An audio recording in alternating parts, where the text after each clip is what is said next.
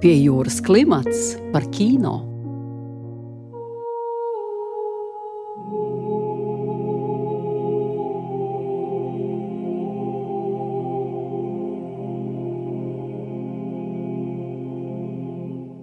Esiet sveicināti, piejūras klimata klausītāji! Šodien turpināsim skatīties uz Rīgas starptautiskā kinofestivāla programmu. Tā pilnmetrāžas konkursā Latvijas pirmizrāde piedzīvoja filmu Dabiskā gaismā, kas tapusi ar studijas mistrus mēdīju līdzdalību un daļēji uzņemta Latvijā. Filmai, kas šogad Berlīnas kinofestivālā godalgot ar sudraba lāci par labāko režiju, mūziku rakstījusi Santa Ratniece. Viņas veikums nominēts Latvijas Nacionālajai kinobalvai Lielais Kristaps. Dabiskā gaismā scenārijs balstīts Ungāru literāta Pāla Zāvadas romāna motīvos. Tā darbība norisinās trīs dienu nogriezienī 1943. gada aprīlī, Padomju Savienības teritorijā, kur vācu armijas sabiedroto Ungāru karavīriem uzdots doties no ciemu uz ciemu, lai iznīcinātu padomju partizānus un to atbalstītājus. Pēc neveiksmīgas operācijas, kurā iet bojā vada virsnieks, Īštvans Šemetka, nerunīgs vīrs ar skumjām acīm, negaidīti kļūst par viņa aizvietotāju. Jaunie pienākumi nes līdzi milzu atbildību, arī to, kas par cilvēku dzīvībām. Sarunā ar Pījūras klimatu režisors Dēnes Šnaķis atceras filmēšanas un aktieru atlases procesus, kā arī stāsta par galvenajiem jautājumiem, kurus uzdod viņa debija filmetrāžā Dabiskā gaismā.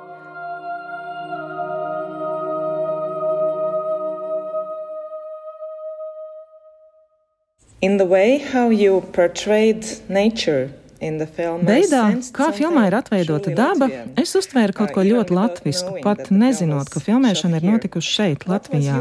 Kāda bija jūsu iespaida filmēšanas laikā, vai mūsu kultūras saista kādas līdzības mentalitātē, pasaules redzējumā? Why we came to Latvia to shoot this film is because uh, I start with this because we were really looking for Mēs vēlējāmies atrast filmēšanai ainavu, kas uh, būtu gan mežonīga un pat skarba, nevis kā Ungārijā, kur dabā jūtams cilvēku rokas pieskāriens. Šeit Latvijā pastāv kaut vai šķietamība, ka esam atgriezušies neskartā vidē, kas ļoti reti atrodam mūsdienu Eiropā. Varbūt vēl kaut kur kalnēnā apvidū Alpos, bet ne līdzenumos. Mēs apskatījām gaujas apkārtni, Lātgali, Purvus, Ludzā, Reizeknē, uz ziemeļiem no Reizeknes, uzejot skatus, kādus nekad nebūtu iespējams atrast Ungārijā. Tādā ziņā ir saskatāms ļoti lielas atšķirības starp Ungāriju un Latviju. Cilvēkiem šeit ir daudz spēcīgāka saikne ar dabu. Par to liecina mazie ciemati, neskartas dabas ielokā. Kaut kādā mērā daba jūsu ikdienā ir vienmēr klātesoša. Tā nav ārējais apstākļus, bet gan daļa no jums. Ungārijā mēs esam paraduši uzlūkot dabu kā kaut ko atstept no mums. Man šķiet, ka tas atspoguļojas arī mūsu identitātēs. Latviešos es saskatīju daudz stiprākas saites ar pagātni, laiku pirms kristietības, vai vismaz sava veida nostalģiju pēc šī laikmeta, kad vairums ļaužu dzīvoja tiešā dabas tuvumā. Mums tā jau ir gājusi zudībā.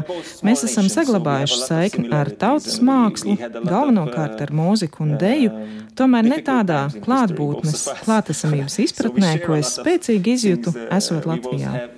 Abas mūsu tautas ir mazas, tādēļ mūsos ir daudz kā līdzīga. Grūti, smagi vēstures posmi, tāpat arī vēlme iekļauties rietumu kultūrā. Lai gan vēsturiski vienmēr esam atradušies, varētu teikt, iestrēguši nepareizajā austrumu pusē. Tomēr vienlaikus, vismaz Ungārijā, mēs izjūtam sevi arī kā daļa no Eiropas austrumiem. Ir interesanti vērot, kā mūsu identitātei atbalsojas gan rietumi, gan austrumi, un dažreiz grūti saprast, kas mēs īsti esam. Šāda ambivalence mums ļauj ieraudzīt pasauli daudz interesantāk. Man šķiet, ka tā ir arī daļa no latviešu būtības. Šī savu veida divējādība jūsos ir rodams gan kaut kas no rietumiem, gan austrumiem, un citreiz tas sniedz priekšrocību paskatīties uz notiekošo no abiem skatleņķiem. Uh, uh, Kā noritēja jūsu sadarbība ar Santu Ratnieci? Kā jūs attīstījāt skaņu ainavas ideju, temperamentu? I wanted a kind of music that more like uh, goes into the sound design of the film, and, and it's not a music that would like. Es gribēju tādu veidu mūziku, kas tuvotos skaņas ainavai, nevis mūziku, kas ņem virsroku pār attēlu, to, ko redzam, un rada tieši priekšstatu par to, kas mums katru mirkli jāizjūt. Mani interesē ļoti jutīga pieeja, tikpat kā nedzirdama mūzika. Tādēļ izvēlējos sadarboties ar Santu, jo es sajūtu, ka savā mūzikā viņa izmanto skaņu ne vienkāršā melodiskā veidā, drīzāk atmosfēriski vai dažviet, it kā imitējot dabas skaņas - putnus, kokus, vēju. Vējam, svilpošām skaņām ir ļoti nozīmīga loma viņas skaņdarbos. Uz mani lielu iespēju atstāja viņas līdz šim paveiktais. Man gan nācās ļoti sarežģīti iztēloties rezultātu, jo Santa man atsūtīja savu ideju paraugus skaņdarbam korim klavieru izpildījumā. Izmēģinājām ļoti dažādas pieejas, arī viņai šis process nāca kā izaicinājums, jo Santa nebija iepriekš rakstījusi mūziku filmai, es savukārt pirmo reizi strādāju ar komponistu ko es ārkārtīgi izbaudīju. Mēs daudz eksperimentējām, dažkārt tas deva ļoti precīzas norādes. Atkārtot šo daļu vai izņemt ārā kādu citu, izmantojot savu ļoti vienkāršoto valodu, tā kā neesmu mūziķis. Mēs nestrādājām kopā pie skaņu celiņa. Es klausījos to, ko komponists man atsūtīja, veicu piezīmes un tad to pārunājām. Ārkārtīgi interesanti bija arī tas, kā radiokoris veica šo skaņdarbu ierakstus. Nevis visu uzreiz, bet katru no vokālajām partijām atsevišķi. Tas mums deva iespēju arī izmantot šos celiņus atsevišķi, tikai basu, soprānu vai baritonu. Šāda pieeja man bija kas jauns, bet tā ļoti noderēja filmā, un arī pati Santa Grāmata man iedrošināja izmantot viņas mūziku ne tikai tādā veidā, kā tā ir uzrakstīta. Tas mums deva iespēju eksperimentēt ar skaņu jau montāžas procesā.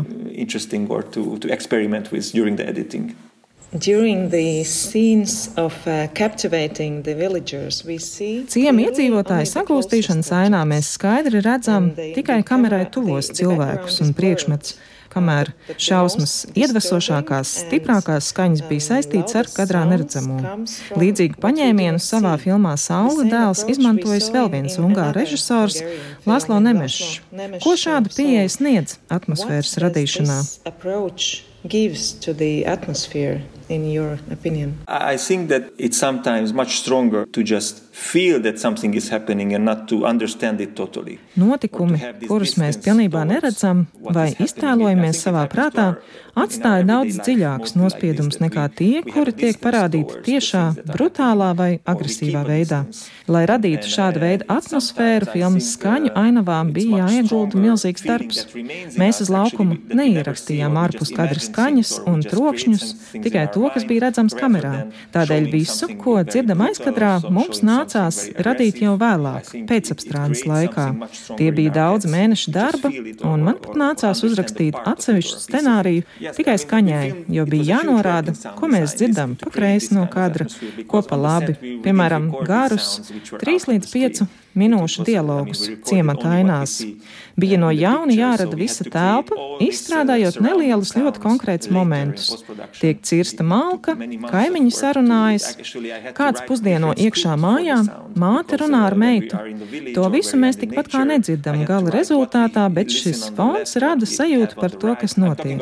Lai gan ir arī izteiksmīgāki momenti, kad mēs dzirdam spīdzināšanu, šāvienus, kārēļu uzkliedzienus ārpus šķūņa, kadrā redzot tikai tā iekšpusē sadzītos cilvēkus.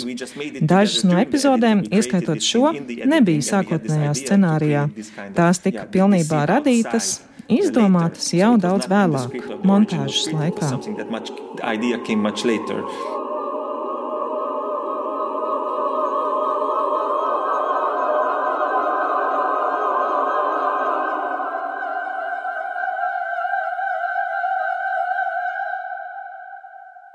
This uh, constant cloudy weather Filmā nepārtraukti ir mākoņains laiks, smagnēja, drūma dienas gaisma, bez skaidrām debesīm, izņemot uguns liesmas, kas atgādina saulrietu.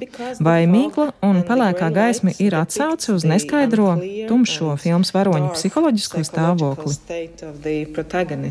I think so. Yeah, yeah, yeah. It is. Uh, I hope it, it doesn't feel that intentional, but of course this is a very, I think, strong part. Es tā domāju, jā, bet ceru, ka šis iespējas nenolasās kā ar nolūku konstruēts. Tā ir spēcīga filmas emocionālā līnija. Sajūta, ka esam pazuduši, apmaldījušies, ka nespējam atrast orientierus.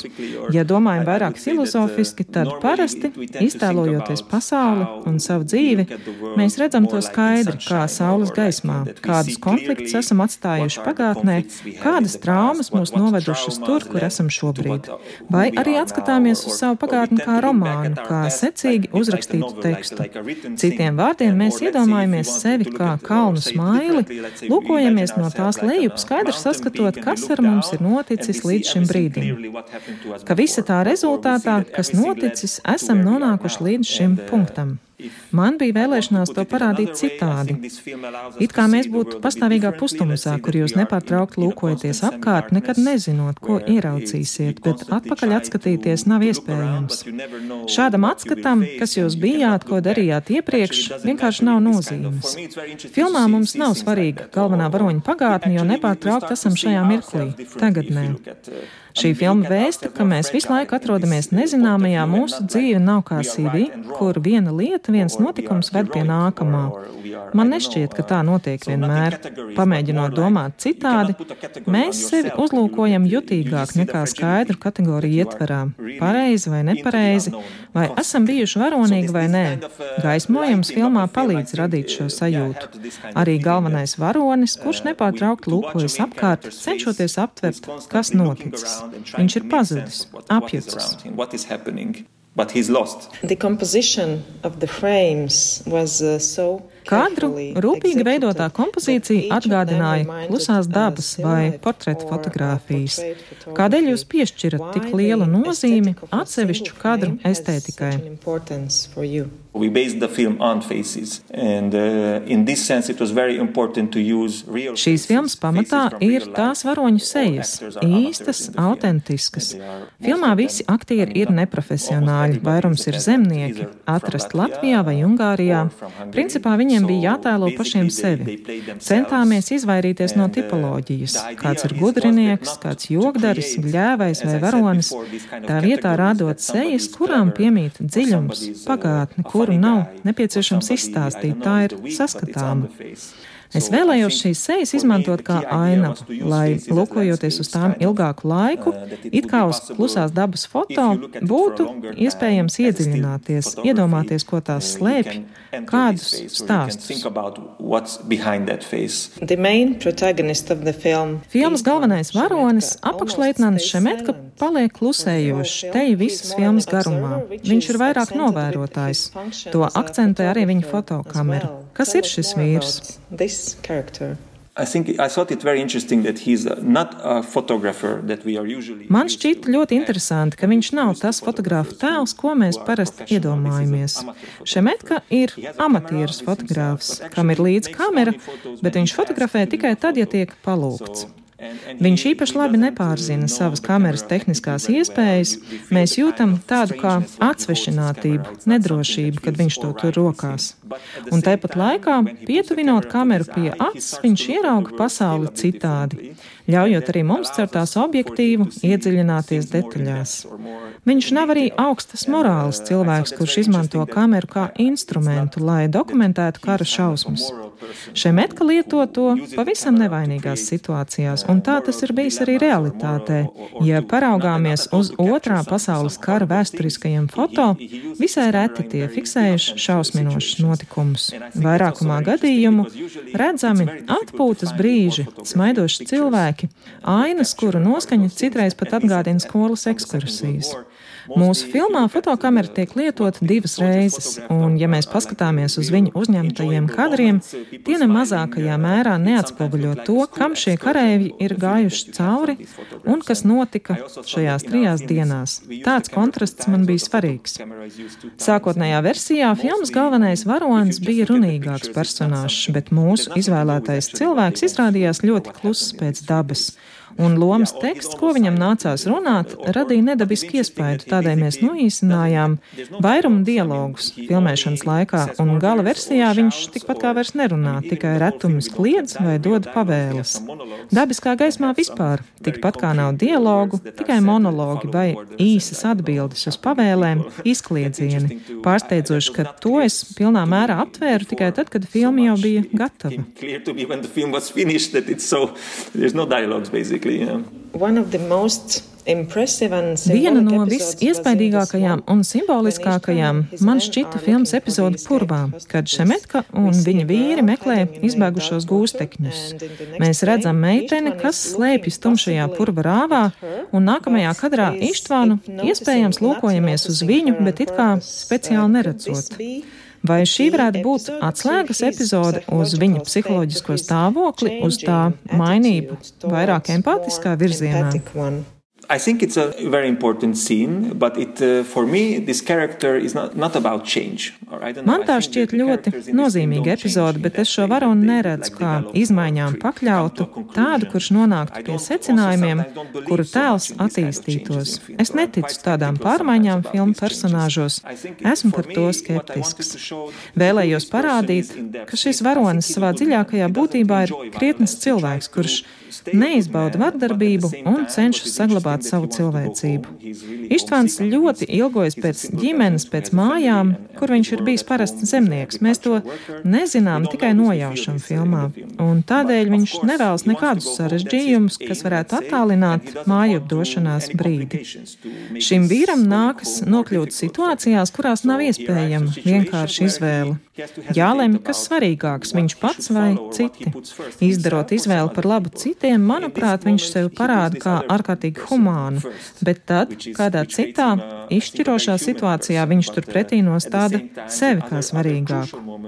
Mēs par sevi parasti domājam kā par labiem cilvēkiem, lai gan bieži esam vāji.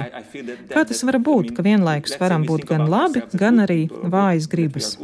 Būt par cilvēku nozīmē šīs dualitātes pieņemšanu. Es nevēlējos rādīt varoni, kurš pēc kāda sava lēmuma kļūst par nevainojamu, ideālo cilvēku, jo tam līdz galam neticu. Tādēļ rādu to, cik trausls ir mans galvenais varonis. Viņš nevar būt tikai un vienīgi labs cilvēks. Un tas ir galvenais jautājums, vai jūs varat būt labs cilvēks, ja izšķirošā mirklī kļūdaties, esat gļēvs un man nav šīs atbildes. Dabiskā gaismā vēst par izpratni, kas mēs esam savā dziļākajā būtībā. Vismaz tāds bija mans mērķis. Cilvēkiem, kurus mēs redzam cieminieku lomās, ir apbrīnojami izteiksmīgs, pat viduslaikiem raksturīgs izskats. Kā notika aktieru atlase?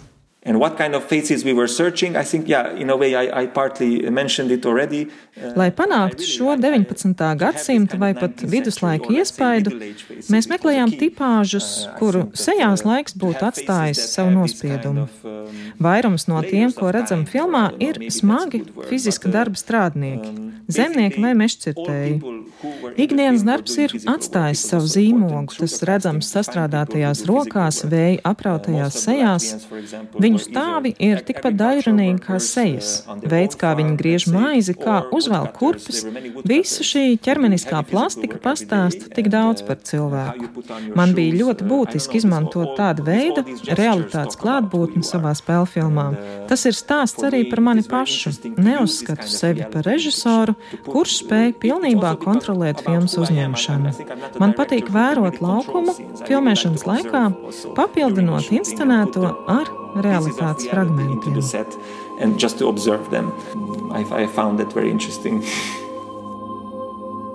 Nu pat mēs dzirdējām sarunu ar Dēnešu Naģu, filmas Dabiskā gaismā režisoru. Redījumā skanēja Santas Ratnieces mūzikas fragmenti no filmas. Pie jūras klimata vadīja Sonora Broka un Monteja Judīta Bērziņa. Raidījums tapis ar valsts kultūra kapitāla fonda atbalstu.